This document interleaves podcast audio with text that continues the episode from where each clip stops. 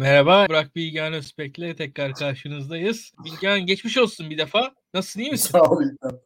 İyi toparlıyoruz işte. Ya açıkçası bir Covid salgınını yaşıyor gibiyiz. Daktilo'ya da e, sağlam şekilde vurdu e, bu Covid dalgası gözüküyor. İlk aşamada seni e, bir şekilde evet. vurdu. Arkasında Enes'le devam ediyor. Bakalım nereye kadar gidecek. Daktilo evet. olarak bu Daktilo camiası olarak Covid karşısında teyakkuzdayız diyelim. Müteyakkız bir halde e, Covid'e evet. karşı kendimizi korumaya çalışıyoruz. E, yayınlarımız en azından online olduğu için belli bir korunaklılık var. Bizim yayınlar devam devam edebilir. E, ama e, gerçekten dikkat etmek lazım. Ne olursa olsun e, aşılanmak Öyle önemli. De. Aşılanmak önemli ama aşılanmanın yanında da tabii önlemlerimize dikkat edelim. Daha iyi beslenelim, sağlıklı yaşayalım e, diyelim. Ama tabii hayatımıza devam edelim. Yayınımızı beğenin, e, paylaşın açıkçası. Madem bu saatte yayın yapıyoruz, e, biraz birileri bizi izlesin. E, yayınlarımız insanlara ulaşsın istiyoruz ki e, en azından burada kendi kendimize konuşmamış olalım. E, sizlerle beraber e, yayınlarımızı daha çok kişiye ulaştırırsak biz de daha hevesle yaparız bu yayınları. Daha güzel olur. Bu saatlerde yayın yapma motivasyonunu en azından kendimizde buluruz diyeyim ben size. Şimdi bu e, bu yayının bir sebebi var. Bu yayının tabii e, ilk baştaki görünür sebebi aslında Burak Bilgehan'ın belli bir süre e, hastalığından dolayı yayın yapamamış olması ama yani aman yayın yapamadı da illa yayın yapacağız diye bir e, hevesimiz, e, heyecanımız olan insanlar da değiliz doğrusu söylemek gerekirse. Hele aslında ben biraz öyleyim de Burak Bilgehan hiç öyle bir insan değildir. Yani aman aman ya yayın yapayım ben bugün de konuşayım falan diye bir havası olan birisi değildir. Ama e, bir sebebi var şu an yayın yapmamızın gerçekten de. Türkiye'de enteresan günlerden geçiyoruz. Gergin yani ortada gözüken meseleler var. Nedir bunlar? Ortada gözüken meseleler. İşte skandallar, ekonomik krizler, e, ekonomik alt üst oluşlar. Bunları yaşıyoruz. Bunları yorumluyoruz zaten. Bunlar her an yorumlanıyor. Ama bunların yanında bir gidişat var, bir doğrultu var ama o doğrultu aslında çok basit değil. Yani bugün en azından her an daha karmaşıklaşıyor ve bunu Bilgehan ilk başlarda söylüyordu. Ben o kadar Bilgehan'ın çizgisinde değildim. Açık konuşalım. Yani hani o zamanlar o kadar Bilgehan çizgisinde değildim. Hala tam aynı çizgide değiliz ama e, belli noktalarda yakınlaşmalarımız var e, bu konular. Çünkü şu anda muhalefetin oyları ciddi yükseliyor. Yani e, bir anketler var. Farklı farklı anketler var. Bu anketlerin hepsine Burak Bilgehan da bakıyor. Ben de bakıyorum.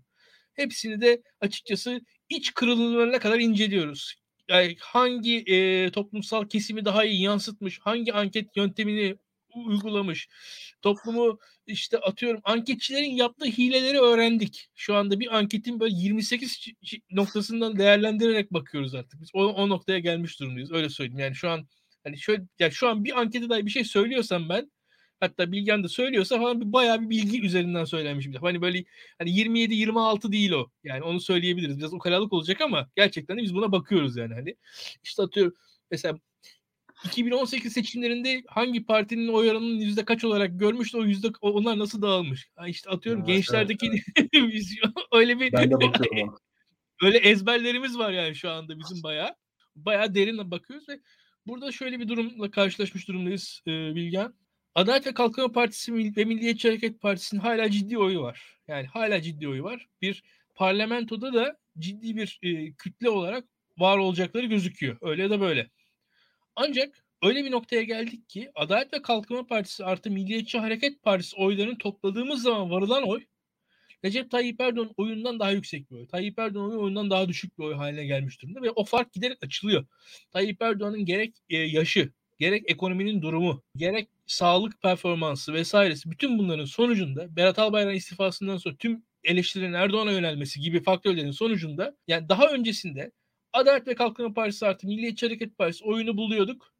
Ve buna da Tayyip Erdoğan oyu hemen hemen de o seviyededir. Bir puan aşağısındadır diyorduk. Şu an o fark eskisine göre daha fazla açılmış durumda. Saygıdeğer anketlerde. Yani neredeyse 3, 4, 5 puan açıldığı ben anket gördüm şaşırdım. O kadar da değildir dedim. Belki o kadar değil ama eskiden bu bir puandı. Yarım puandı. Yani şu an fantastik bir noktaya geldi ve yani şöyle bir şey eskiden yüzde 50 iken yüzde 51 hani yüzde 51 toplamken yüzde 50 Tayyip Erdoğan'dı. Şu an yüzde 40 iken yüzde 35. Dersi bu çok daha büyük bir e, yükselmeden bahsediyorum. Bu hani o farkın açılmasını oransal olarak bakıldığı zaman çok daha büyümüş durumda. Ve bu öyle bir noktaya getirdi ki Erdoğan sanki kolay lokma. hissiyatı gelmeye başladı muhalefette şu anda. Hakikaten Evet, kolay lokma mı? Hakikaten kolay lokma mı? Bakalım yani hakikaten kolay lokma mı? Ve bu kolay lokma diyerek geçiştirilebilecek bir şey mi? E ne oluyor şu anda? Hakikaten yani şu anda muhalif camiada bir e, karışıklık da bir yandan devam ediyor diye düşünüyorum ben.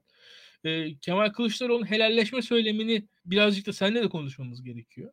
Burada helalleşme söylemi üzerine açıkçası ya helalleşme söylemini öyle ya da böyle hani beğenebiliriz, beğenmeyebiliriz ama ben kendi adıma helalleşme söylemine muhalif diğer figürlerin getirdiği tepkilere bakıyorum. Yani tamam hani her muhalif aktör yani muhalif aktörün ayrıca bir kanaldan konuşmaları gerekiyor birbirleriyle demek ki. Onu onu yüzde yüz söyleyeyim. Bunu da ayrı, ayrıca söylemem gerekiyor. Helalleşme konusunda ayrıca konuşmamız gerekiyor. Bu da kenarda kalsın ama ilk başta şu anketlerden başlayalım. Sonra helalleşme devam edin. Ben çünkü çok konuşacağım.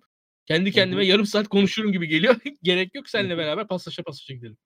Şimdi e, Pırıl bizim Çavuşescu'nun termometresi programına moderatör olarak geldikten sonra ben programları izledim. Daha sakin ve daha e, Biz şu anda gergin bir program yapalım diye. evet yani hani loş ışıkta arkadaşlarımızla şarap eşliğinde yemek yiyormuş gibi sakin konuşmalar. işte e, usulünce espriler, terbiyeli gülüşler falan böyle o tarz bir profile bürünmüşüz. E, şimdi Pırıl'ın olmadığı durumda sen çok sert bir giriş yaptın. E, İlkan ben de aynı şekilde karşılık vermek istiyorum. Yani hazır yokken biz de biraz aslımıza dönelim. Ya evet doğru söylüyorsun. Yani hükümetin bir yönetememe meselesi var. Hani bu uzun zamandır vardı. E, fakat artık yani çok ağır çekimde düşen bir hükümet. Yani çok ağır çekimde kaybeden, beceriksizliği çok ağır çekimde gerçekleşen bir hükümet. Yani mesela bundan ya gezi olayları sırasında aslında o hükümetin büründüğü psikoloji hepimize bu işin neticede bu şekilde biteceğini söylüyordu. Yani çünkü demokrasiler partilerin seçim kaybettiği rejimlerdir. Yani demokrasilerde partiler seçim kaybeder. Demokrasilerde partiler kutsal bir davanın temsilcisi olarak gözükmezler. Demokrasilerde partiler kendilerini e, şöyle söyleyeyim e, kutsal kavramlarla bütünleştirip sistemin içerisindeki diğer aktörlerin meşruluğunu sorgulanır hale getirmezler. Bu çok temel bir kriterdir.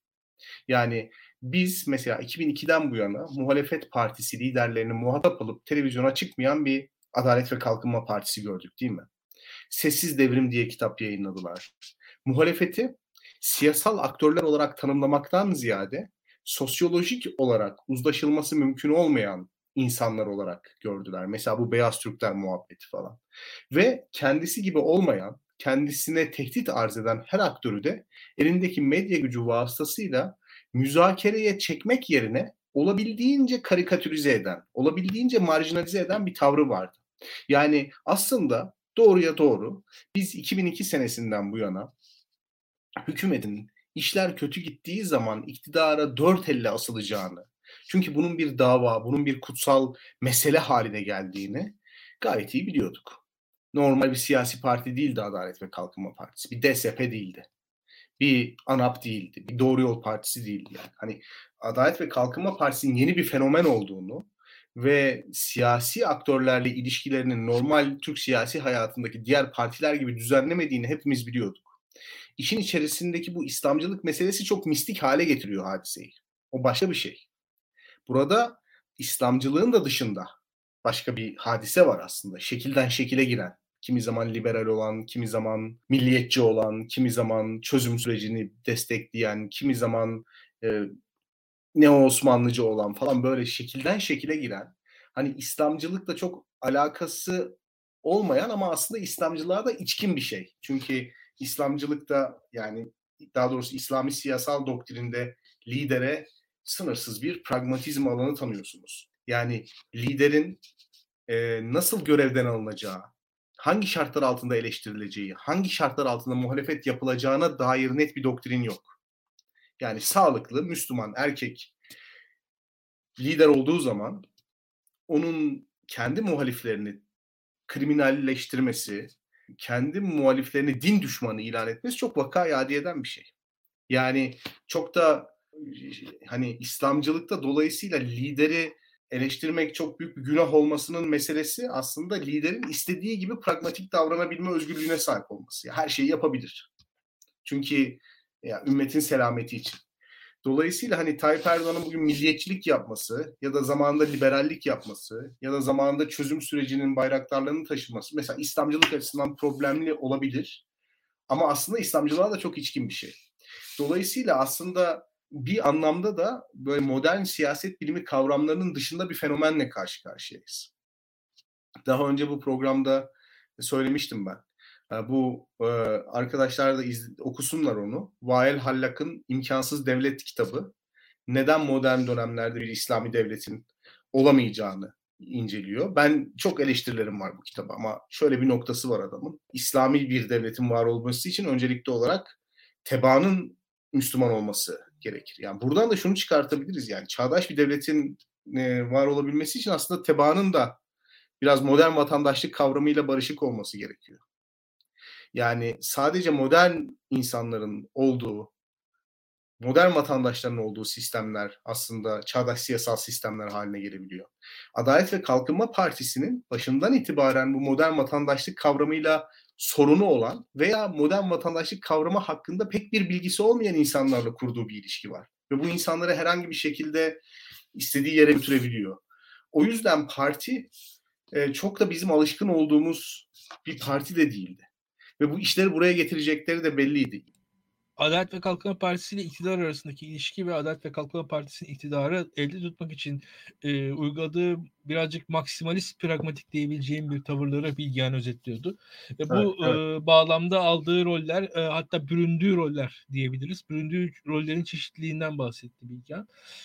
Yani e, birazcık daha geriye gidiyorum ben. Refah Partisi milli görüş çizgisine Adalet ve Kalkınma Partisi'ni ne ayırdı diye düşündüğüm zaman hatta biz belki de tüm e, liberal camia e, fazla iyimser davrandı. O zamanlar o ayrım aslında bir ideolojik ayrımdan ziyade pragmatizm seviyesi ayrımıydı. Yani e, ya orada bir yani daha liberaller, daha işte yenilikçiler, gelenekçiler e, wishful thinking'ti bence. Yani o, o ya şu an tamamen bir wishful thinking yani e, olduğunu düşünüyorum ben. Yani orada kimin e, gelenekçi, kimin yenilikçi, yenilikçiliğin yani yenilikçi olmak hani şöyle bir şey var atom bombası yeni bir şeydir de yani iyi bir şey değildir e, bakarsanız. Mesela hani yeni olan veya atıyorum Toma yeni bir şeydir. E, pek de iyi bir şey değildir. Atıyorum birçoklarımız bir açısından mesela şu ana kadar işte ya prostat kanseri yeni bir şeydir vücudunuzda ama iyi, kötü bir şeydir. Yani bu, e, bu hani yenilikçilik de o açıdan da değerlendirilmesi gereken bir şey. Tabii birçok yeni iyi şeyler de var. Hani aya gidilmesi de yeni bir şeydir atom bombası da yeni bir şeydir. Yenilikçilik bu açıdan bence e, içi boş bir şekilde Türkiye'de tartışıldı. Entelektüel açıdan çok içi boş şekilde tartışıldı. Hatta Doğru. birazcık daha ileri gideyim. E, o zamanki yani benden çok daha iyi biliyorsun sen. Akademik camianın içerisinde yer alıyorsun. Yani Yalçın Akdoğan'ın kitabını düşün. Muhafazakar demokrasi tezlerini falan düşün. Bomboş tartışmalar yani. Hani teknik olarak zaten hani akademik olarak boşluğu ayrı şey hani bir defa fiilen boş. Ee, hani hem hani yani hem pratik hem teorik olarak ayrı ayrı boşlukta olan yaklaşımlar. Mesela geçen İlkan ben İsmail Safi ile tanıştım. ee, İsmail Bey e, eski AK Parti milletvekili ama milli görüş geleneğinden gelen birisi değil. ANAP kökenli. Ve bu muhafazakar demokrasi üzerine e, Mehmet Ali Ağaoğulları ile birlikte tez yazmış. Doktora tezini onunla birlikte yazmış bir bir insan. E, halen daha Cumhurbaşkanlığında da görevli. E, bana kitabını verdi. Şimdi Hı. kitapta 2003-2004'lü yıllarda yaptığı bir anket var. Adalet ve Kalkınma Partisi milletvekilleriyle görüşmüş. Şimdi çok temel sorular sormuş aslında. Metodoloğu ise harika. İşte mesela eşcinsel evliliğe nasıl bakıyorsunuz? İşte e, demokrasi kavramıyla ilişkileri neler? Bireysel özgürlük şimdi ya baktığınız zaman Adalet ve Kalkınma Partisi'nin ilk döneminde bile bireysel özgürlükler meselesine hani evrensel kavramlarla bakan, evrensel normlarla bakan milletvekili sayısı yüzde üç, yüzde beş arası. Hı hı. Yani hani Adalet ve Kalkınma Partisi başından itibaren zaten milletvekili profili olarak ya da seçmen profili olarak liberallere ne açıdan umut verdi gerçekten ben onu anlayamıyorum. Hatta çok zorlama işlere e, vesile oldu. İşte Anadolu'ya gittiler. Anadolu insanının feraseti, ötekiyle bir arada yaşama hadisesi. Yani öyle ki İlkan şöyle söyleyeyim sana. Hani Nişantaşı'nda veya Çankaya'da seküler orta sınıfa sahip birisinin toplumun geri kalanıyla birlikte yaşama iradesi yok ama Kayserili'nin, Elazığlı'nın, Erzurumlu'nun toplumun bütün renkleriyle bir arada yaşama iradesi var gibi bir durum ortaya kondu. Şimdi bunların hepsinin işaret ettiği bir nokta var. Yani bu realitenin yeniden inşa edilmesi, sosyo, sosyolojik grupların kriminalleştirilmesi, siyasi muhatapların meşruluğunun sorgulanması Adalet ve Kalkınma Partisi'nin biricikleşmesi durumunu ortaya çıkar. Ve bu biricikleşen parti hakikaten herhangi bir kararı müzakere etmek zorunda kalmadan uygulayan, toplumu ikna etmek zorunda kalmadan uygulayan ve topluma dayatan bir tavır geliştirdi. Şimdi ilk başlarda o topluma dayatılan normlar aslında liberalleri niçin mutlu ediyordu? Çünkü orada içerideki aktörlerle müzakere etmek yerine dışarıda doğru aktörlerle müzakere ediliyordu yani. Avrupa Birliği ile müzakere ediyordu mesela. Ya da uluslararası akademik çevrelerle çok müzakere ediyordu. Bu çok önemliydi Adalet ve Kalkınma Partisi için. Fakat ona da gerek kalmayınca yani askerin sistem içerisindeki rolü bitince ve Adalet ve Kalkınma Partisi kendisini devletle özdeşleştirince artık e, dışarıyla da müzakere etme, pragmatik olma, yani dışarıya karşı pragmatik olma ihtiyacını kaybettiği için e, aslında biz onu U dönüşü diye nitelendirdik. Fakat aslında U dönüşü diye bir şey yok. Hep 2002 senesinden bu yana biricik olan bir parti, kutsal bir kavramı temsil eden bir parti ve içerideki aktörlerle müzakere etmeden kararlarını topluma dayatan bir parti. Mesela çok ilginç bir şey söyleyeyim. Şu son kur krizinden sonra biz herhangi bir kabine yetkilisinden, ekonomi bakanından, cumhurbaşkanından, cumhurbaşkanı yardımcısından ya bu yüzde yirmilik, yüzde otuzluk artış her neyse son zamanlardaki. Ya bununla ilgili bir izahat duyduk mu Allah aşkına? Yani bize çıkıp bir izahatta bulundular mı? Ya da İdlib'de 33 asker şehit olduğu zaman çıkıp bir izahatta bulundular mı? S-400 alındığı zaman bir izahatta bulundular mı? Yani alınan kararları böyle televizyonlara gönderdikleri aparatçıklar duygusal, hamasi söylemlerle köpürtüyorlar. Medya işte bir şeyler yazıyor. E, her yazdıklarını zaten bir sene sonra yalamak zorunda kalıyorlar. Mesela Yeni Şafak'ın işte Birleşik Arap Emirlikleri meselesi. Tamam mı? Yani izahatı AK Parti yapmıyor. İzahatı Twitter fenomenleri yapıyor. İzahatı televizyona çıkan adamlar yapıyor. İşte izahatı köşe yazarları yapıyor ama hükümet herhangi bir konuyu toplumun geneline izah etmeye bile tenezzül etmiyor. Yani çok açık söyleyeyim ya. Böyle bir böyle bir biriciklik. Şimdi bu makinanın zaten bir yerde e, bozulacağı belliydi. Bizim talihsizliğimiz çok ağır işledi bu süreç. Çünkü o kadar fazla müttefik değiştirdi ki yani siyasal olarak ayakta kalabilmek için. O müttefiklerin bazıları işte ekonomi alanında hükümete e, biraz bu, bu, bu alana dokunmamalısın gibi tavsiyelerde bulundu ve Tayyip Bey bunları dinledi. Bir yerden sonra ona da ihtiyacı kalmayınca artık bütün sistemi, bütün bürokrasiyi, bütün kurumları kendisi bizzat yönetmediği takdirde büyük bir kumpasın içerisinde olduğu hissine kapıldı. Yani zannediyorum saray içerisinde bizim bu danışman olarak bildiğimiz insanların en önemli özelliği Tayyip Bey'i bir korku zerk etmek ve onun zaten ontolojik bazı korkularını besleyecek şekilde e, bir atmosfer yaratmak. Mesela bunu bana bir eski AK Parti milletvekili anlatmıştı. E, herhangi bir olumsuz Twitter yorumunu Tayyip Bey'e göstermek için insanlar birbirleriyle yarışıyorlar.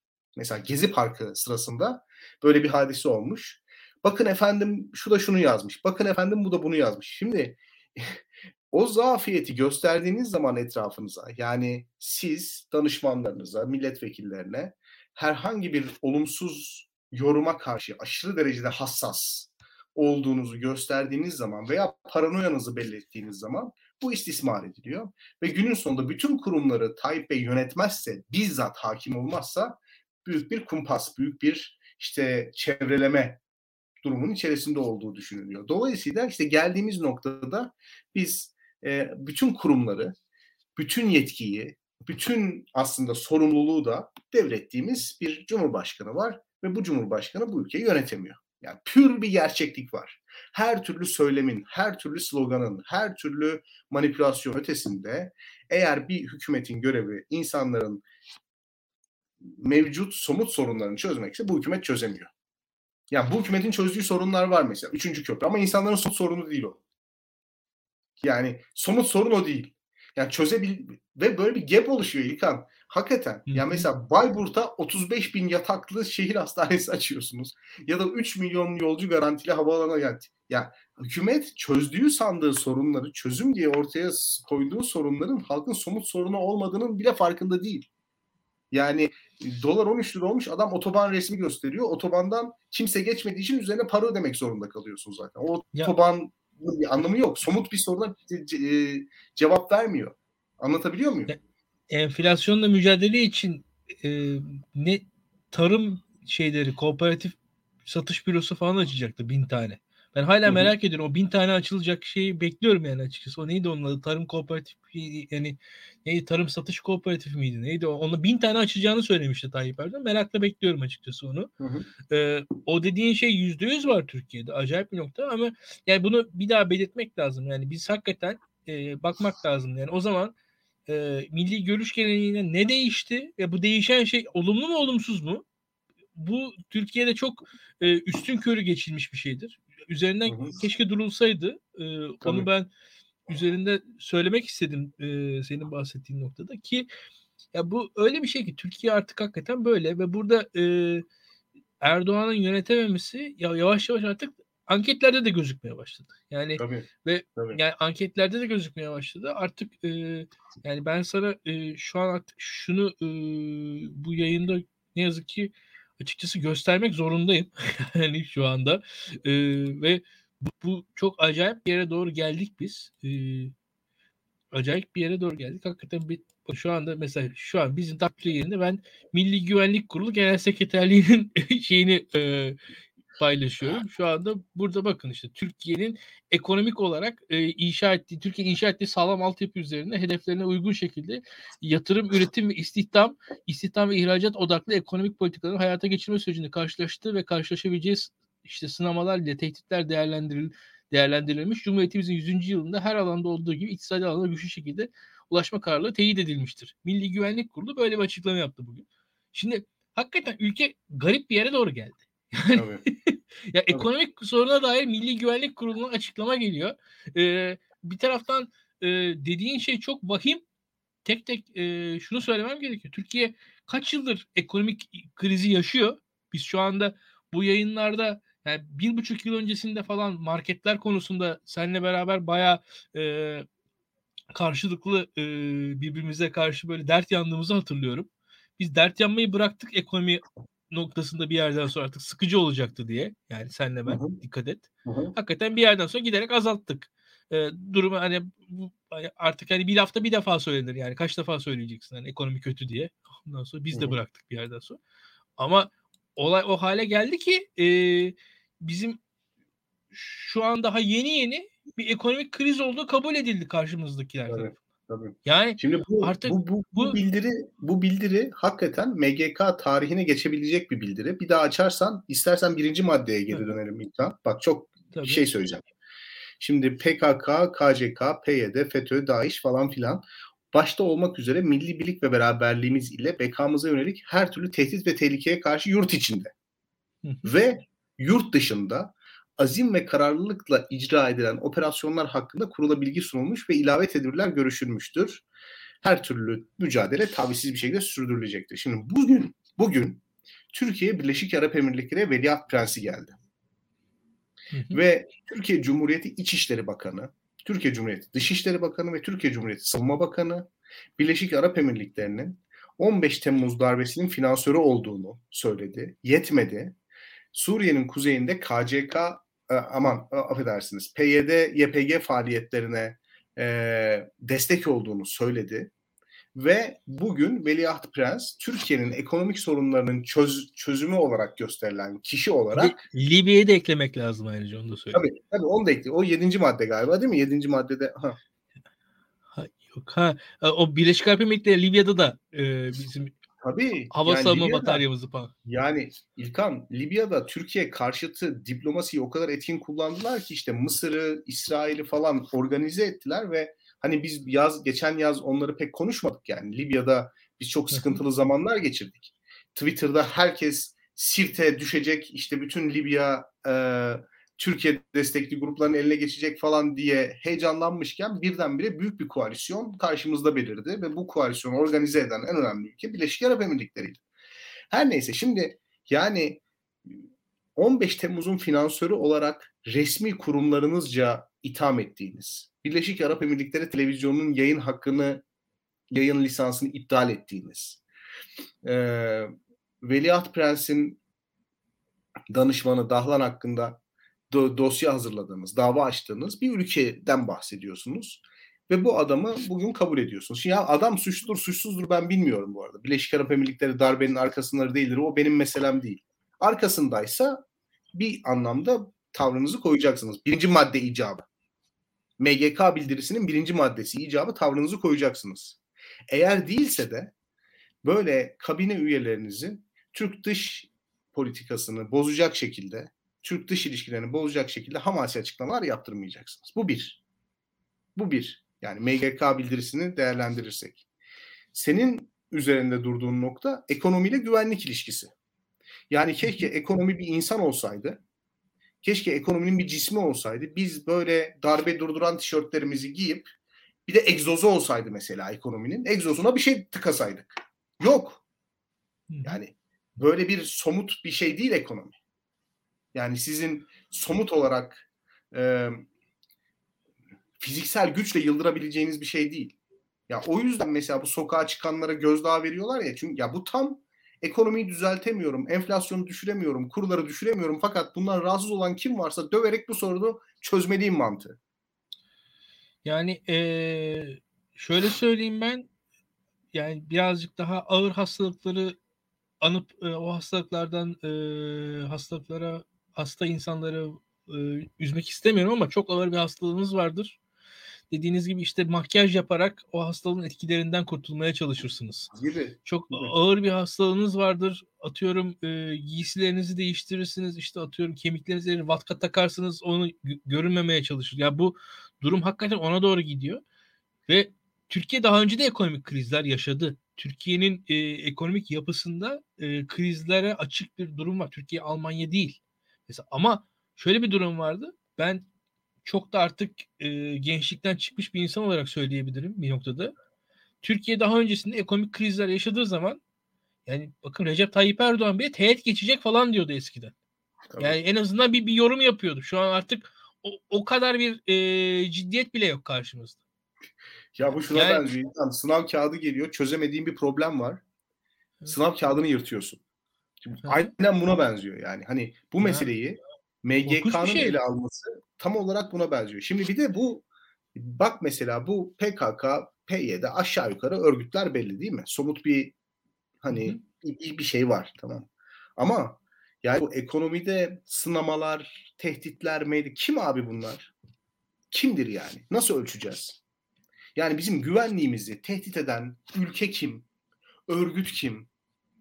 Yani öznesi olmayan bir şey, bir beyanat bu. Tamam mı? Ve ekonominin bir milli güvenlik sorunu olduğundan bahsediyor. Halbuki evet bence ekonomi milli güvenlikle çok alakalı bir şey. Ama ekonominin yönetimi milli güvenlikle alakalı bir şey. Yani siz Türkiye'yi dünyanın sömürgesi haline getirip bütün şirketlerinizin bedelini 150 milyar dolara düşürüyorsanız milli güvenliği tehdit ediyorsunuz demektir. Bu ayrı bir şey. Ama ben ekonomiyi kötü yönettim. Ama bu kötü yönetimimin sebebi bazı odakların Türkiye'nin güvenliğine kastetmesi dediğiniz zaman mutlaka ve mutlaka bazı bazı öznelerle konuşmak, bazı faillerle konuşmak zorundasınız. Bunu yapmak zorundasınız. Aksi takdirde kim suçlu oluyor biliyor musun? Dediğim gibi yani soruyu çözemeyince kağıdı yırtan öğrenci gibi. Yani e, enflasyon mesele değil, işsizlik mesele değil, dolar kuru mesele değil. Mesele kim? Bu işi siyaseten sömürüp, bu işi siyaseten ele alıp bir şekilde söylem geliştirenler. Yani bu ikinci maddenin amacı ne biliyor musun? Aynen Ergenekon iddianamesinde Zekeriya Üz'ün yazdığı gibi. Ekonomiyi gerekçe göstererek darbe zemin hazırladığı gerekçesiyle falan diyordu ya bu. Kanal Türk'teki şey. Aynen onun gibi bir şey. Yani ekonomi konuşarak eğer siz hükümet eleştirirseniz ekonomi milli güvenlik meselesinin bir parçası olduğu için başka ülkelerin milli güvenliğine hizmet ederek ekonominin kötülüğünden bahsediyor olacaksınız. Şu işi bırakamadılar işte. Şu işi bırakamadılar. Yani Adalet ve Kalkınma Partisi herhangi bir bu algı kelimesine çok takıl, takıldılar ya bu adamlar zamanında. Sanki gerçeklik diye bir şey yok. Her şey algıdan ibaret. Buna çok takıldılar. Şu işi Fethullahçıların zamanından beri bırakamadılar. Hükümeti biricikleştirirseniz hükümetin başarısızlıklarından konuşmayı sürekli olarak demokrasi dışı bir hadise olarak ya da bir güvenlik tehdidi olarak ele alırsınız. Bu ikinci maddenin amacı doğrudan doğruya iç muhalefeti bastırmak. İç muhalefete karşı e, bir milli güvenlik barajı örmek. Açıkçası olan bir tane vahim ve e, be, benim hayatımda görmediğim bir olay. Bir daha söylüyorum. Yani Türkiye'de daha öncesinde de ekonomi kötü e, pozisyonlarda bulundu. Biz e, iktidardaki Süleyman Demirel'i, Turgut Özal'ı, işte atıyorum Tansu Çiller'i, Mesut Yılmaz'ı, Bülent Ecevit'i e, ekonomiden dolayı eleştirdik. Enflasyondan dolayı, işsizlikten dolayı eleştirdik. Çok da anormal bir şey değildi bu. Ve o zamanlarda da kriz yaşandığı zaman kriz yaşandı deniyordu. Başımızdakiler bir kriz yaşanıyor diyorlardı. O krize dair bir çözüm önerisi ortaya konuyordu. Yani orada işte atıyorum acı reçete vesaire eko, ekonomik paket falan açıklanıyordu. Yani ben öyle Tabii. şeyler hatırlıyorum. Şu an e, nedense yani bir defa bir şey yaşandığına e, yavaş yavaş kani oluyoruz. Ki öyle nedense, bir şey var ki nedeni, nedeni bu işte İlkan. MGK ne? eğer bak bir şey söyleyeceğim. MGK sivil iradenin dışında meşruluk kaygısı taşımayan, oy kaygısı taşımayan bir yapıydı. Dolayısıyla siyasi partiler arasındaki rekabet, meşru siyasi partiler arasındaki rekabet sorunsuz devam ediyor. Şu anda MGK diye bir yapı yok. Bu Cumhurbaşkanlığı Güvenlik Dairesi metni. Şimdi biraz Öyle daha söyleyeyim. Biraz daha ileri gideyim. Şimdi bizim programımızın adı Çavuşesku'nun termometresi. Evet. Sen bu adı niye koydun?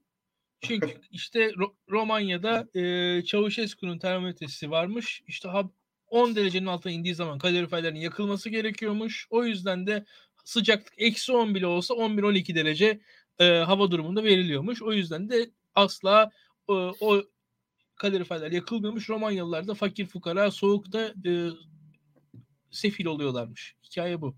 Şu an Türkiye'de mesela AKP'liler çok güzel bir şey söylüyorlar. Ekonomi dolardan ibaret değildir. Doğru. Hakikaten de değildir. Ben hakikaten Doğru. katılıyorum. Ama şöyle bir şey var. Ya elde dolardan başka herhangi bir kriter kalmadı ki. Evet. TÜİK'le öyle bir şekilde bir bastırıyor. Hani algı malgı falan derken elde ölçülebilir tek kriterimiz dolar kaldığı için sonuçta evet. hükümetin belirlemediği, TÜİK'in belirlemediği kriter dolar. Şimdi enflasyona inanılamıyor. Yani faiz büyümeye inanılamıyor. İşsizliğe inanılamıyor. E şimdi biz şimdi Bilgehan'la beraber ekonomi yayını yapacağız. Diyelim hani hükümetin verdiği rakamlar üzerinden enflasyon falan tartışıyoruz. Şimdi hükümetin verdiği rakamlar üzerinden enflasyon tartışan bir yayın yapsak biz bir yandan saçma sapan bir yayın yapmış olacağız. Evet. Ama sonuçta hükümetin kendisi dahi şu an dolar üzerinden bakın şu an o dolar o kadar önemli ki daha önce işsizlik bir noktaya geldiği sırada Milli Güvenlik Kurulu böyle bir şey açıklamamıştı. Atıyorum daha öncesinde büyüme başka bir noktadayken Milli Güvenlik Kurulu böyle bir şey açıklamamıştı.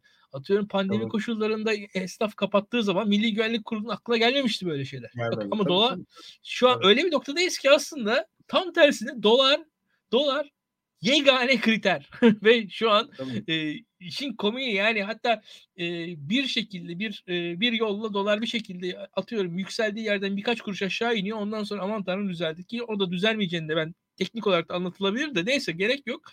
Ya o kadar e, komik bir noktadayız ki şu konuda. Yani birincisi dediğin algı hikayesinde şu dolar meselesini o algı hikayesindeki yaptıkları tam sağ pres çok daha önemli hale getirdi. Daha da getirecektir. Onu da söyleyeyim. Daha da getirecektir. Daha iyiye gitmeyecek bu iş. Bundan tabii, sonrasında. Tabii, çok... tabii gitmeyecek tabii. Ya piyasaların bence bu ısrarla erken seçim yok e, beyanatlarına çok tepki verdiğini düşünüyorum ben. Yani çünkü hani kötü bir idare var. E, çok hani manasız bir faiz ve enflasyon neden sonuç ilişkisi içerisinde hareket ediyorlar. Böyle bir böyle bir şey yok literatürde. E, ve Cumhurbaşkanı nedense bunun bunun çok ateşli destekçisi. Biz bir sene içerisinde üç tane Merkez Bankası Başkanı değişti İlkan. Para politikası kurulu üyeleri değişti. Yani az şeyler yaşamıyoruz biz. Ve son atanan adam eski AK Parti milletvekili, Yeni Şafak gazetesi yazarı, İngilizce bilmeyen ve tam anlamıyla bir yes man yani. Evet. Hani baktığımız zaman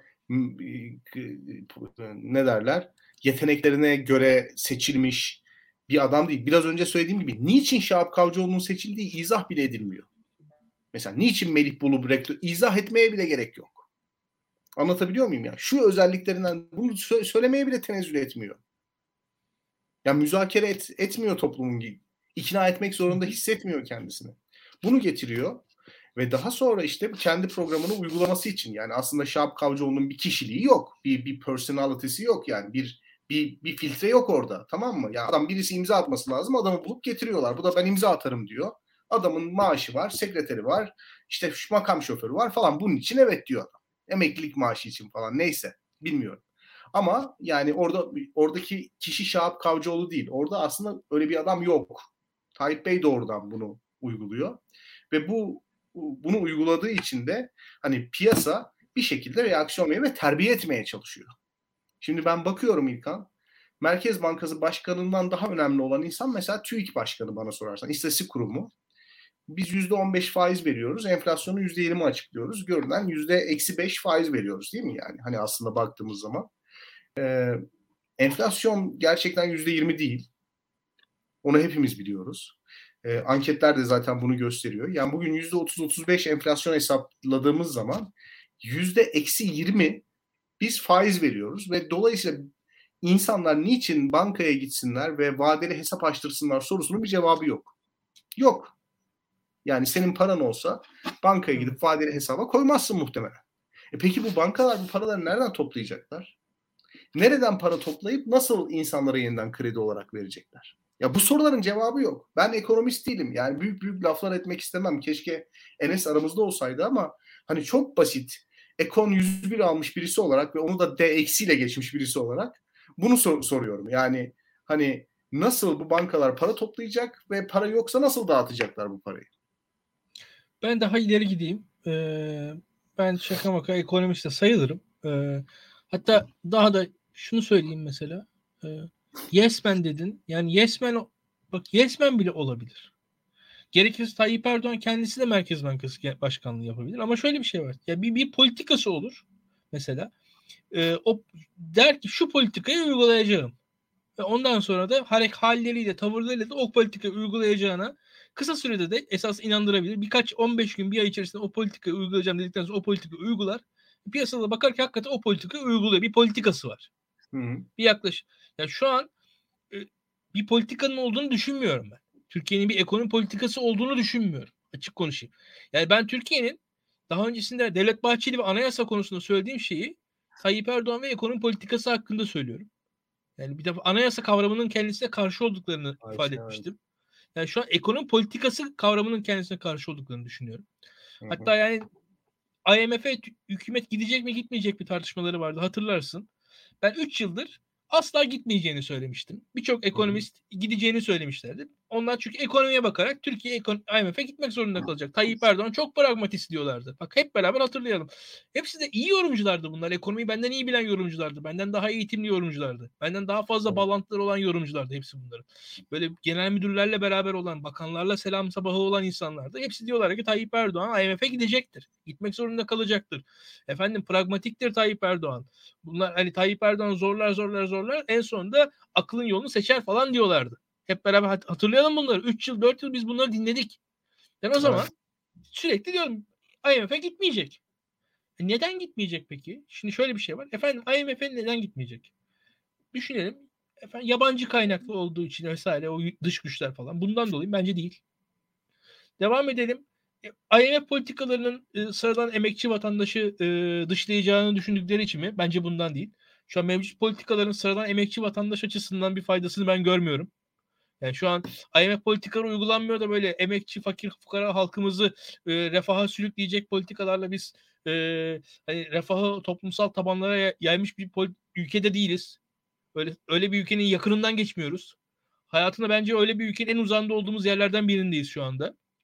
E şu anda IMF'e biz şu an neden gitmiyoruz? Gitmedik. Açık konuşalım. IMF'e Türkiye bir ekonomi politikası olması ihtimalinden korktuğu için gitmedi. Tabii. Bu kadar. Yani burada bir ekonomi bir politika yani efendim o politika bu politika. Hayır sadece hani hangi politikayı söylemiyorum. Bir politikası olmasından korkuluyor. Hatta ben hala iddia ediyorum. Türkiye'de bir e, bir karar alınıyor. Efendim deniyor ki e, şey e, ucuz istihdamla beraber üretim üstü Türkiye olacak. Ya, Yani Türkiye üretim üssü olması bir, bir, bir politikadır. Ama ben böyle politika olduğuna inanmıyorum. Türkiye'de bir şeyler oluyor.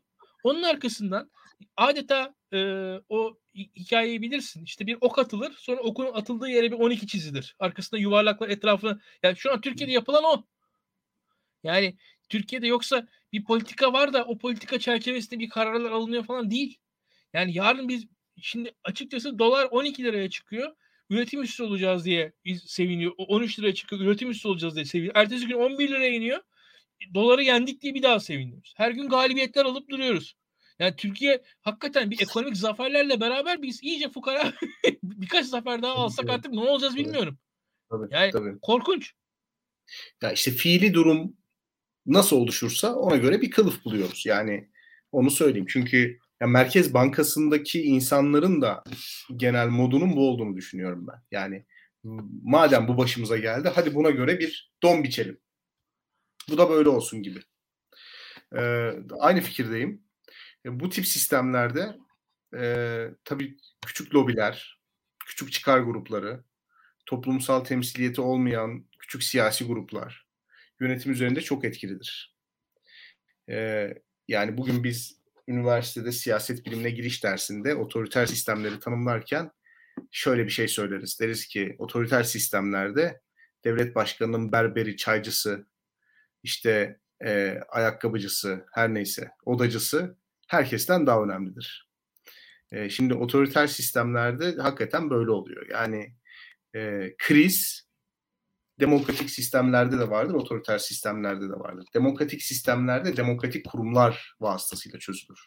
Parlamentolarda şeffaf olarak, kamusal tartışma vasıtasıyla, özgür basının dahliyle, sivil toplumun dahliyle bir noktada bir problemi çözersiniz. Uzun sürer, netamelidir, bunaltıcıdır ama çözersiniz. Ve maksimum faydayla çözersiniz.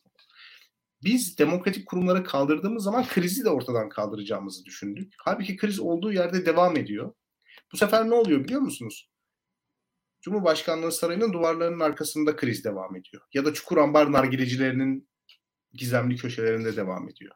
Veya müteahhit yazanelerinde devam ediyor.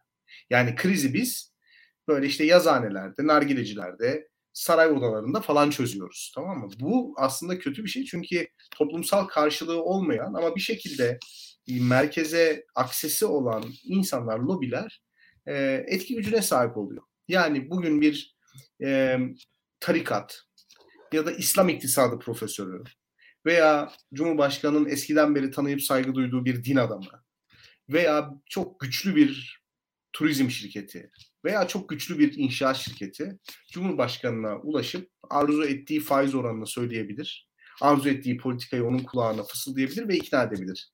Bu hepimizin kaderini etkileyen bir politikaya dönüşüyor günün sonunda. İşin vehameti burada. Vehameti burada. Ben Tayyip Bey'in kafasında hakikaten faiz karşıtı olduğu kanaatindeyim. Yani faize karşı olduğu kanaatindeyim. Kendi damadının bile faizi arttırmasına müsaade etmedi. Yani bugün yani Berat Albayrak herhalde doları kontrol altında tutmak için 128 milyar dolarlık rezerv harcamak yerine faiz arttırılması gerektiğini biliyordu ilk an. Yani bunu Tabii. her sağlıklı insan gibi o da düşünmüştü. Yani bugün 128 milyar dolara harcadıysak Tayyip Bey'in bilinçli tercihi sonucunda harcadık. Yani bunu bunun adını koyalım.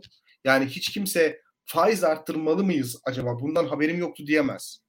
Ya da bunun mantıksız olduğunu herkes biliyor bunun mantıklı olduğunu. Fakat siyaseten bu o 128 milyar doları yakmak zorunda. Çünkü faizi arttırmama yönünde bir siyasi irade var.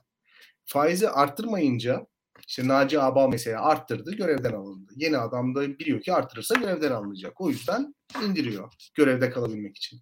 Ama böyle oluyor. İşte dolar kuru, kuru krizi gibi şeyler yaşıyoruz.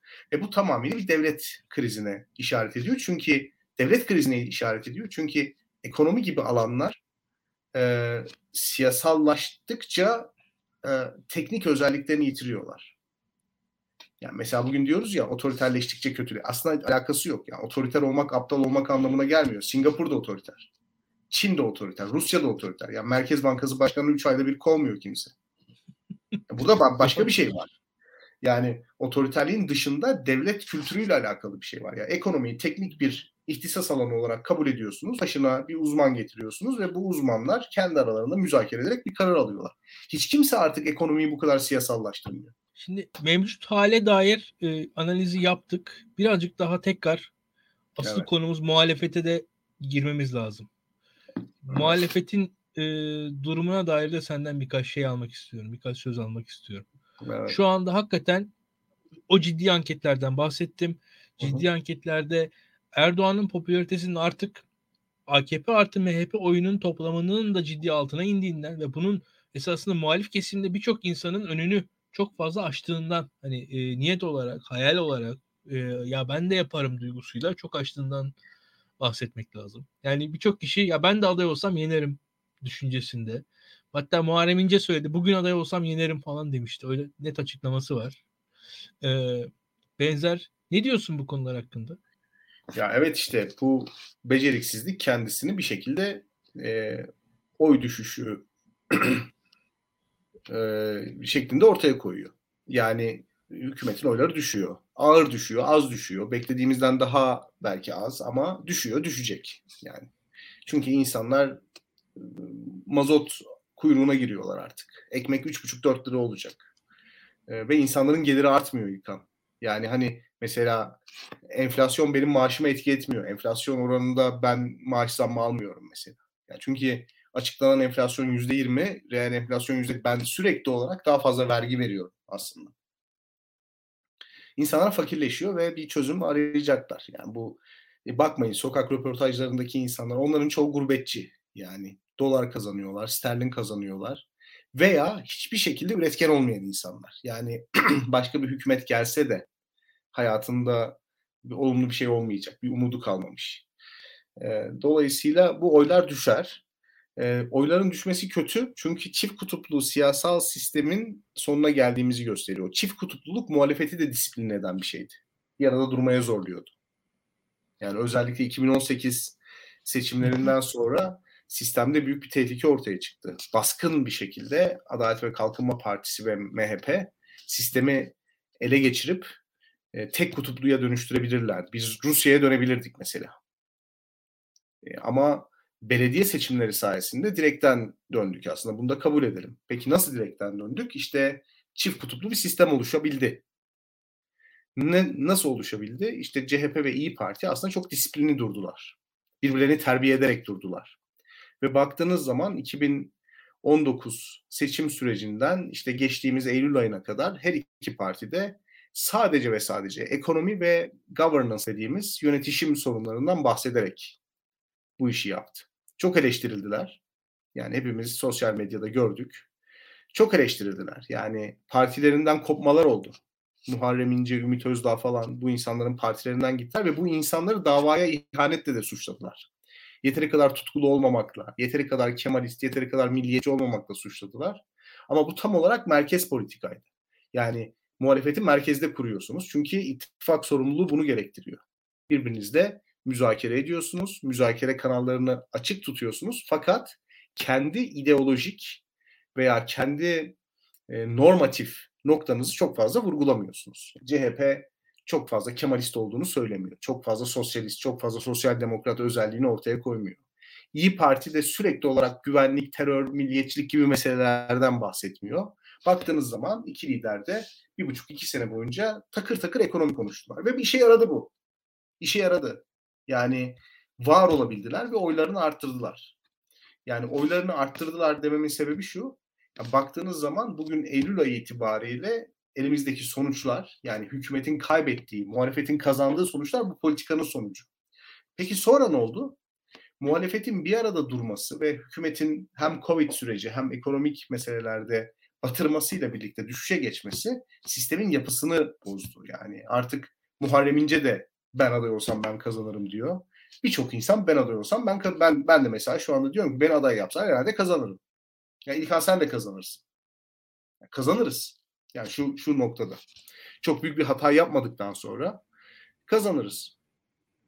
Dolayısıyla hani o kim aday olursa olsun kazanırız söylemi bence muhalefet partilerindeki disiplini bozdu.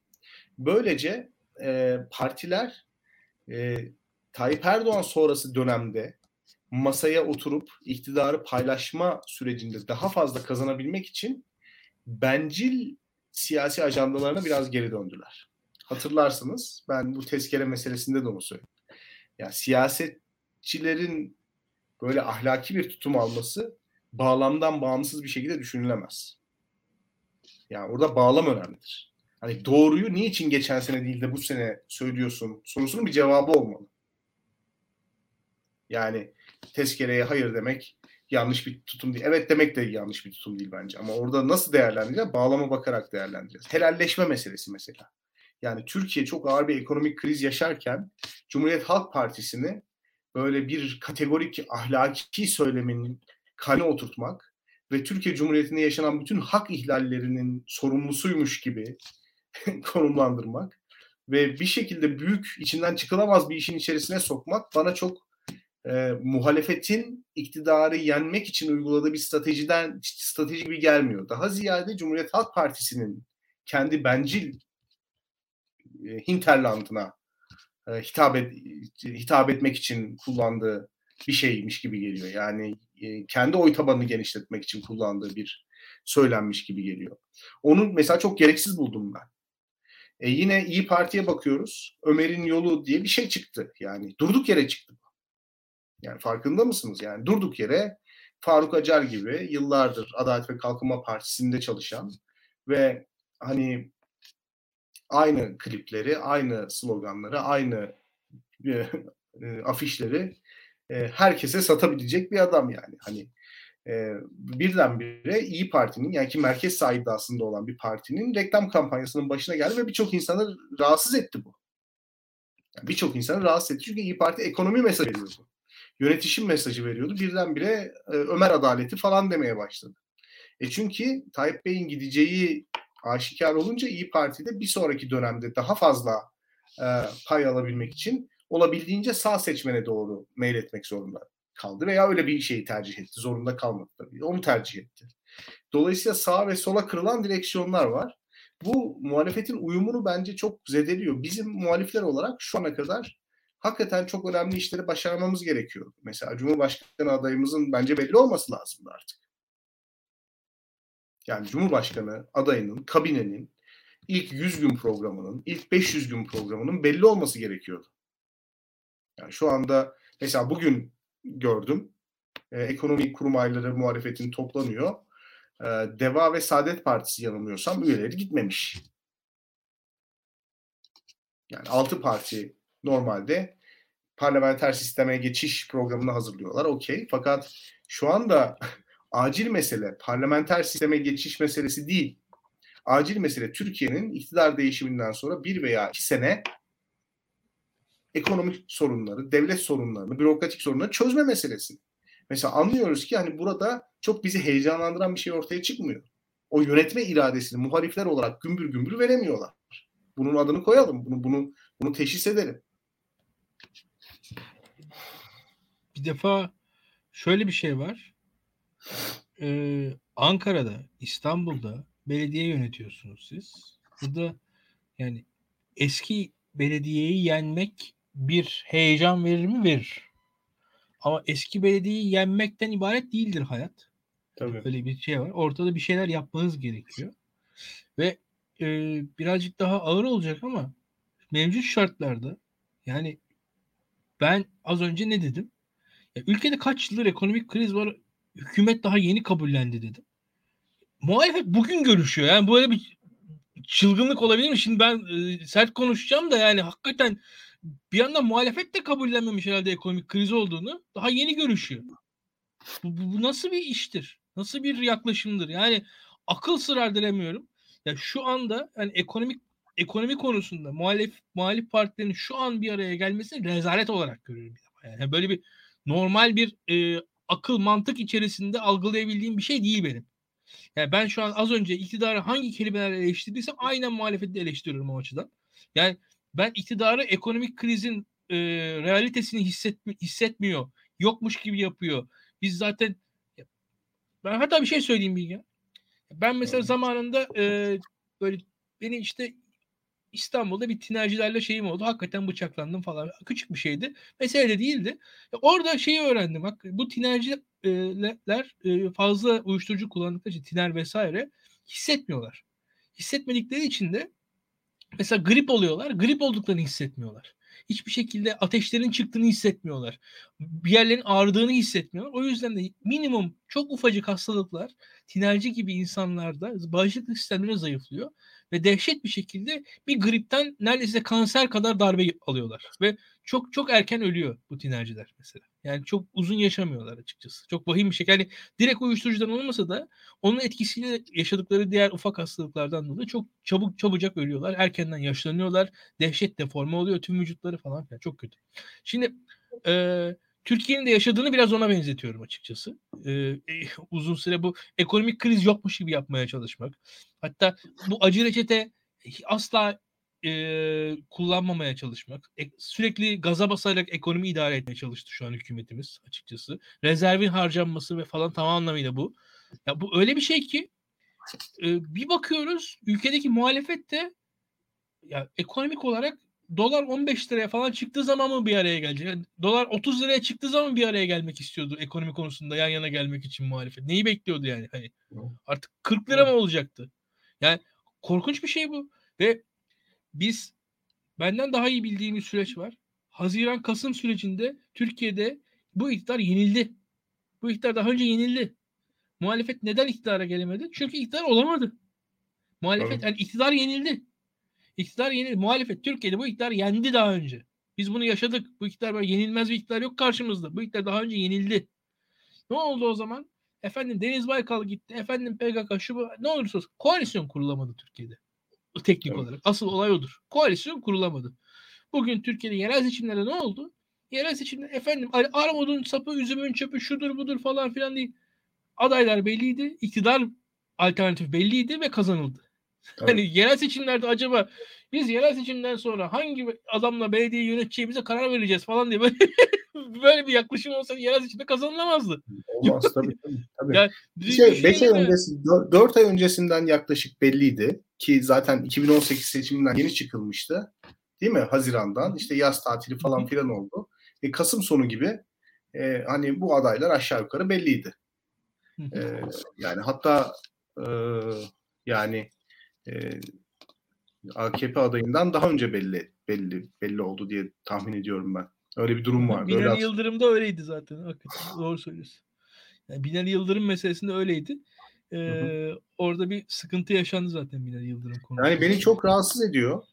Ee, işte CV'ler geliyor. Yok işte onlara bakıyoruz. İşte şu olsun, şu olmasın. Yani ya bu e, hani e, normalde bu iktidarın korkutuculuğu muhalefeti büyük bir disipline tabi kılıyordu. Nedir bu disiplin? Siz oturacaksınız, anketlere bakacaksınız. Herkes siyasetini yapacak. Kazanabilecek adaylar kimler onlara bakacaksınız. Yani böyle bir şey. Bilgen, ben daha ağır konuşayım tekrar. Yani muhalefetin elinde anketler var. Tayyip Erdoğan geçmişinde kazandığı seçimler var. Ben bu kadar küçümsemem karşımdaki. Yani Bence ne olur ne olmaz hiç, hiçbir şey yani bu iş böyle bu kadar e, tamam anketler iyi. Anketler bence ben ben de inanıyorum anketlere. Anketlere güveniyorum da yani hayat seçim anketle kazanılmıyor yani Türkiye'de Türkiye'de biz zaten e, Ankara 2014 seçimini yaşadık. İstanbul 2019 seçimini yaşadık. 2015'i yaşadık. Yani e, Türkiye'de seçimler de kolay değil. Bu e, gereksiz bir rahatlık, gereksiz bir genişlik görüyorum bu konuda muhalefette. Tabii, tabii. E, bu konunun yani birazcık daha bir ciddiyet açıkçası e, teyakkuz gerekirse e, evet. birazcık daha salahiyetle yani bir hakikaten artık kelime bulmakta zorlanıyorum yani burada birazcık daha e, ciddi insanlar tarafından bu işin hissedildiği yani biz bunu ciddi alıyoruz ülkeyi bu noktadan adım adım dışarı yukarı çıkartacağız ki bak mesela Kemal Kılıçdaroğlu'nun bürokratlara yaptığı söylem çok etkili oldu. Evet. Yani orada Doğru. bak ciddiyet ciddiyet ne kadar evet. bak bir ciddi ciddi tavır nasıl etkili oluyor? Evet. Yani Merkez Bankası'na gidişi Bence, herkesin bir anda bürokratlara yaptığı uyarı Kanal İstanbul'dan dolayı muhalefet partilerinin aldığı tutum e, yani bu dediğim gibi ekonomi ve governance meselelerinde kendilerini merkeze alıp AK Parti'yi marjinalleştirdikleri zaman kazandılar. Yani bu topluma bir merkez vaat edip bir makullük vaat edip AK Parti'yi, MHP'yi bunları marjinalleştirdikleri zaman ya bu ülkenin milli güvenliği bunu gerektirir. Siz de milli güvenliğin hilafına iş yapıyorsunuz dedikleri zaman bürokratlara Türkiye Cumhuriyeti kanunlarını hatırlattıkları zaman, göçmen meselesinde, sığınmacı meselesinde egemenlik kavramını hatırlattıkları zaman ve bunu çok da makul bir dille yaptıkları zaman bu insanlar çok önemli ölçüde toplumun dikkatini çekmeyi başardılar. Yani yönetme becerisinin sinyalini topluma verebildiler. Bunlar harika hareketlerdi. Benim dikkatimi son iki ayda anketçilerin çok fazla konuşması çekiyor. Onu söyleyeyim. Yani çok fazla anketçi konuşuyor. Yani mesela geçen sene Nisan ayında ben çok fazla anketçi görmüyordum piyasada. Açık konuşayım. Ya çok da umurumda falan da değildi yani. Şu bir birden bire piyasaya anketçiler doldu. Farkındaysan. Bir rakamlar ve böyle insanın hafsalasının almayacağı rakamlar. Yani bir başka bir rakam söylüyor bir başka bir rakam. Ya bugün Deva Partisi'nin oyunu biz bilmiyoruz. Yani yüzde bir de olabilir, yüzde altı da olabilir. Yani. Mesela böyle bir böyle bir açıklık. İyi Parti'nin oyu yüzde on dokuzda olabilir, yüzde on birde olabilir. Böyle bir açıklık. Hani böyle bir manipülasyon. Anlatabiliyor muyum yani? Çünkü anketçiler artık bir aktörmüş gibi piyasaya çıkıyorlar, piyasaya sürülüyorlar ya da e, bu e, çok tehlikeli bir şey. Mesela 128 Atalay Bey söylüyor. Hocam evet 128 milyar dolar kampanyası 100 akı bir kampanyadır. Tamamıyla tamamıyla 100 akı bir kampanyadır ve muhalefetin koordinasyon içerisinde giriştiği bir işti. Yani şimdi bu tip meseleleri bırakıp daha böyle tartışmalı işte ne bileyim e, doğrudan isim vereyim yani. Etiyen Mahçupyan'ın konuşmayı sevdiği konulardan bahis açıp Nagihan Alçı'nın konuşmayı sevdiği konulardan bahis açıp toplumda her yarası olanın işte çıkıp ses yükselttiği, birbiriyle siyaset üzerinden hesaplaştığı bir ortam yaratmanın gerçekten bir anlamı yok. Gerçekten yok. Şimdi e, ülke şartlarında Bilgehan bu bizim Türkiye'de ekonominin halinin e, dediğim gibi vehametini hisseden ve hissettiren bir muhalefete ihtiyacımız var. Ciddi olduğunu hisseden ve hissettiren bir muhalefete ihtiyacımız var. Bütün bunların yanında e, birbiriyle olan meselelerini arka plana atabilme kabiliyeti olduğunu gö- gören, gö- gösteren bir muhalefete ihtiyacımız var ve şöyle söyleyeyim e, iktidarın nimetlerini birazcık sabırla iktidara geldikten sonra en azından e, paylaşmaya bilecek bir muhalefete ihtiyacımız var. Yani olmayan e, nimetleri birbirleri arasında pay, ya, hakikaten komik tüm olan bitenler ve şöyle söyleyelim e, Adalet ve Kalkınma Partisi'nin ki bu bunu bir şunu da söyleyeyim hani sert e, arkadaşlar da var burada mesela çok e, hesaplaşalım şöyle yapalım böyle yapalım. Adalet ve Kalkınma Partisi iktidarı Türkiye'de 19 sene sürdü. Bu işi bu işi çok kolaylıkla 19 ayda bitireceğimizi düşünmeyelim arkadaşlar. Yani Türkiye'nin e, Türkiye'nin tabii ki birçok sorun yakın zamanda çözülecektir ama yapısal sorunların bir kısmı açık konuşayım orta vadede ancak bir noktaya gelebilir. Evet. Yani e, tamam Türkiye kısa vadede ekonomik noktada belli bir raya girebilir ama kimi yapısal sorunlar öyle çok da kolay çözülmez. Onu da söylemek lazım. Yani bu iş böyle e, bir anda e, her şey pürüpak olmayacak. Yani hani bu undo etme hikayesi çok basit bir şey değil. Bu 19 yıl yaşandı Türkiye'de. 19 yıl yaşandı ya 19 yıl. Ya bakın Mustafa Kemal Atatürk Türkiye'de 15 yıl Cumhurbaşkanlığı yaptı. Yani neredeyse. Ya bu e, bu iş e, ciddi tüm devrimler falan dediğimiz şeylerin olduğu süreden daha fazla Tayyip Erdoğan Türkiye'yi yönetti. Yani Cumhuriyet devrimleri dediğimiz süreden daha fazla Tayyip Erdoğan Türkiye'yi yönetti. Yani e, bu sürenin büyüklüğünün farkına varmamız gerekiyor. Hepimiz e, çok e, küçümsüyoruz Türkiye'de olan bitenleri. Yani Türkiye'de Türkiye'de şu an yeni bir kuşak doğdu. Yeni bir insan e, nesli yetişti. Bu, bu iş böyle iktidara geldik, e, 6 ay yönettik, e, yasaları değiştirdik, ah ne güzel falan değil. Değil yani öyle bir şey yok. Ha potansiyel var mı Türkiye'nin? Çok büyük potansiyeli var. Bence insanların zannettiğinden de büyük potansiyeli var Türkiye'nin. Çok daha iyi olacak birçok şey. Ama olan bitenin adını koymak lazım. Türkiye'de yani hukuk anlamında e, ideolojik baskı anlamında bugün geldiğimiz nokta çok zor bir nokta. Çok zor bir nokta. Burada da muhalif iktidarın, potansiyel muhalif iktidarın gayet güçlü olması gerekiyor e, bu iş e, ve ciddi olması gerekiyor. Sorunların en azından adını koyabilmesi gerekiyor. Bakın e, ya bugün çok basit yani iktidarla bir e, çatışma içerisindeki mesela Sedat Peker var. Değil mi? Ya bu Sedat Peker'in devlet içerisindeki yansıması nedir ben bilmiyorum. Şimdi işte kitap siparişi verdim alacağım duvarı okuyacağım şimdi. Herkes okusun. Düşünüyorum e, bununla da mücadele etmesi gerekecek. Gelecek iktidarın. Muhalif iktidar. Yani o kadar mesele var ki aslında.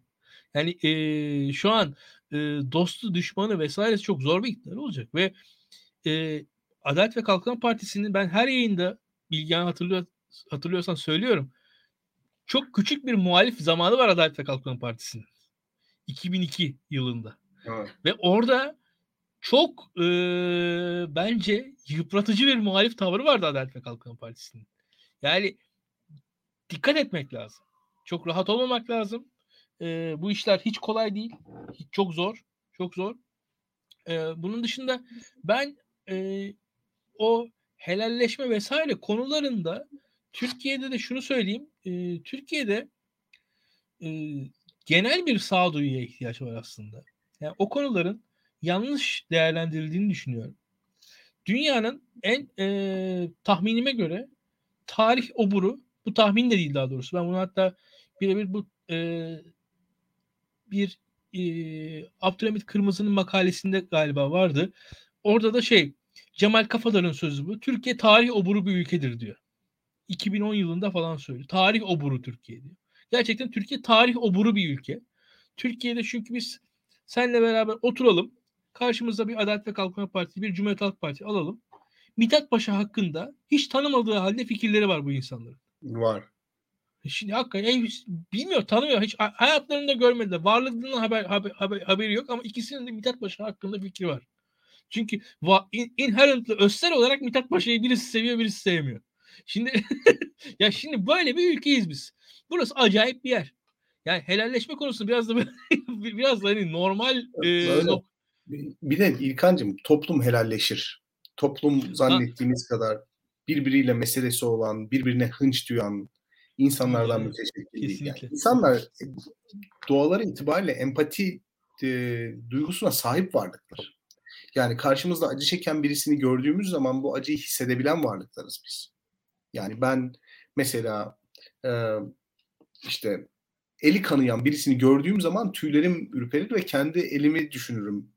Bir, bir duygu hissederim tamam Bir empati duygusuna sahibimdir. Bizleri empati duygusundan yoksun hale getiren şey mevcut siyasal atmosferin kurduğu makbullük çerçevesidir. Yani biz makbul olmak adına empati duygumuzu bırakırız. Ve bu devletin partizanlaşması, devletin komitalaşması anlamına gelir. Türkiye bunları yaşadı, yaşamadı değil. Yani Türkiye'de olan mesele insanlara makbul vatandaş olarak görülebilmeleri için birilerinden nefret etmeleri gerektiğini söyledik söylemeleridir.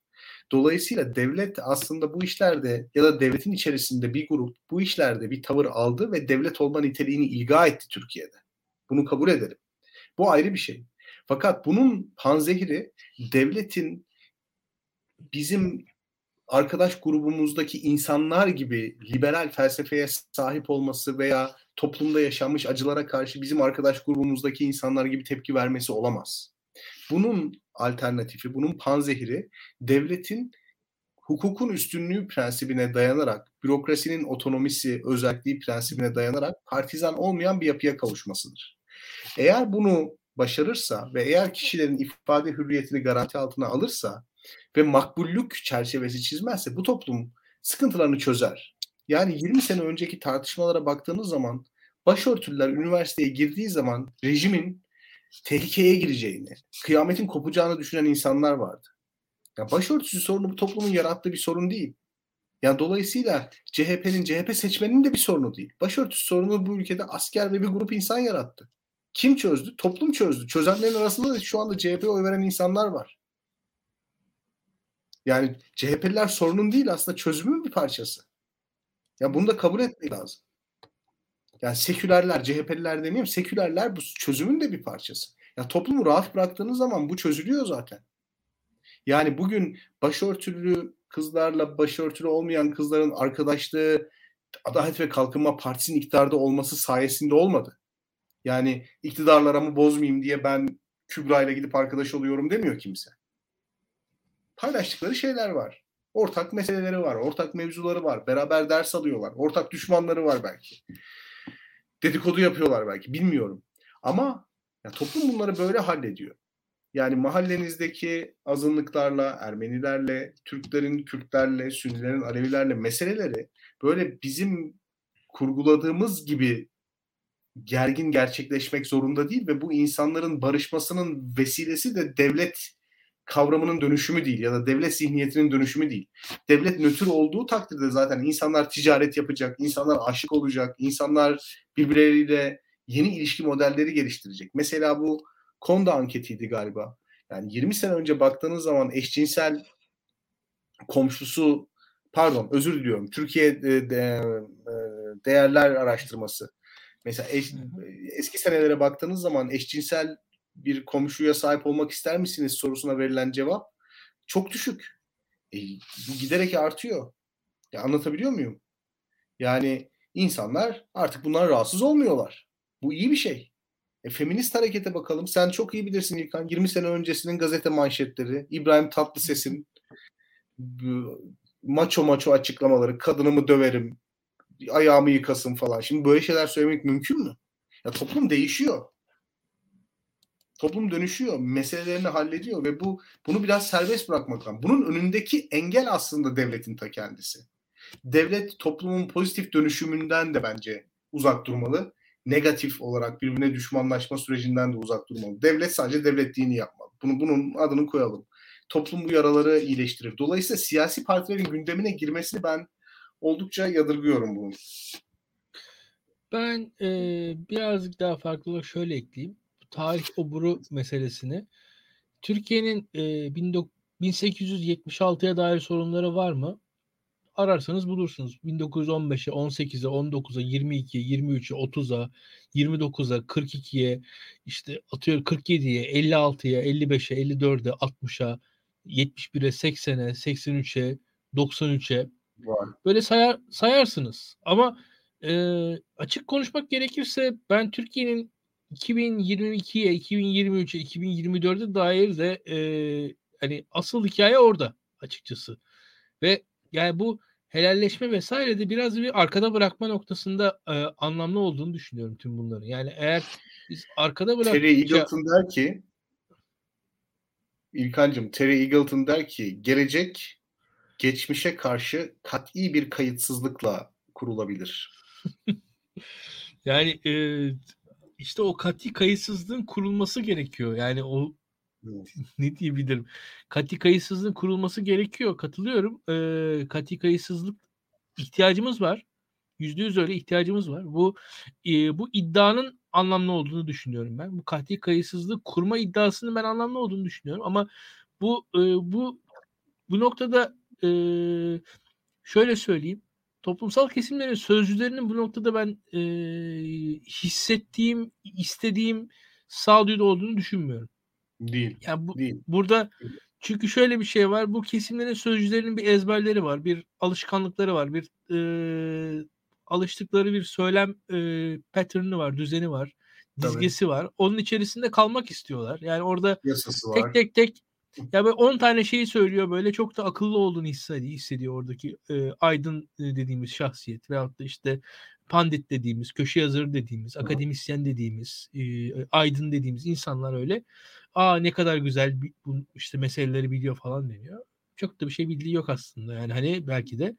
E, ve yani o 2022'ye dair, 2023'e dair e, kayda değerli bir sözü olmayan insanlar oluyor genelde bunlar. E, ve hı hı. burada da e, bu, bir açıkçası o, o geçmişi tekrar etmekten de e, etmekte ellerindeki e, barut o. Yani bu insan grubunun. Evet. Bu insan grubunun birazcık bir Türkiye açısından da bu en azından bu söylemin ben oturabileceği bir yer olduğunu inanıyorum ama açık konuşayım. E, entelijansiya bizim bu söylemi oturtacak bir entelijansiya değil. Burada zannet kastettiğim e, şey entelijansiyası değil yani oradaki ulusalcılar değil. Yani orada Yo, aslında anladım, ya bu anladım. burada burada adam başka bir şey söylüyor aslında. Ya bunu anlayalım falan diyen yok. Burada o, o, o ha bana açık verdi. Gardını düşürdü bir yumrukla ben vurayım diyen. Ya tabii, bu, tabii, ta, onun adı helalleşme değil yani. O zaman bir yumrukta sen vurursun. Çok güzel. Tabii. Vur yani de o bir, bir anlamı yok onun. o tam tersi. Yani gardını düşürene bir, bir tane vurup üste çıkmak o gardını... Kemal Bey'in orada söylemek istediği şey muhtemelen şu. Ee, hani bu popülist bir idareden çıkıyoruz. Toplumu parçalara ayırıyor, kamplara ayırıyor, birbirine karşı kışkırtıyor falan her neyse. Ya bir bütün bir toplum duygusu yaratmak için bir şeyler söylüyorsunuz tamam mı? E, fakat bu öyle bir çok haklısın söylediğinde. Mesela bugün ben bir mülakat daha okudum. Yani tam senin söylediğin noktaya işaret ediyor yani. Hani hazır Kemalistlerin gardı düştü biz de buradan yüklenelim. Herkes ayağımıza gelsin bizden özür dilesin gibi kibirli bir tavır var. Ee, bu tartışmaları açmak hani bence Türkiye bağlamında, Türkiye sosyolojisi bağlamında, sadece Türkiye sosyolojisi derken yani genel olarak e, ortalama sosyolojiyi kastetmiyorum yani. Entelektüel sosyolojisi ya da akademik sosyolojisi açısından da söylüyorum. Çok faydalı değil. Bize bir fayda sağlamaz. Bunları biz e, top, toplum olarak çözeceğiz. Bir şey söyleyeyim. Yani bir Netflix dizisi, e, bir Orhan Pamuk romanı bence bizi siyasetçilerden, devletten daha daha net bir şekilde, daha anlamlı bir şekilde barıştırabilir. Birbirimize karşı daha fazla yumuşatır. Öyle söyleyeyim. o zaman biz de herkese kulüp dizisini önerelim. evet, evet, evet, Açıkçası Bilgehan bayağı bir şeyden bahsettik. Bir yayın içinde yeterli derecede konudan bahsettik diye düşünüyorum. Arkadaşlar teşekkür ederiz. Yayınımızı beğenin, paylaşın, yorum yapın. Yorumlarda kim olduğunuzu yazın. Ee, bugün Bilgehan ne demiş, İlkan ne demiş, beğendiğiniz, beğenmediğiniz yerler varsa orada belirtin. Biz onlara cevap verelim, polemiğe girelim sizle. Kim beğenmediğiniz şeyler varsa görelim. Ee, kendinize iyi bakın. Açıkçası ben e, yayını sonlandırmak istiyorum. Görüşürüz. Tabii, tabii. tabii görüşürüz. Thank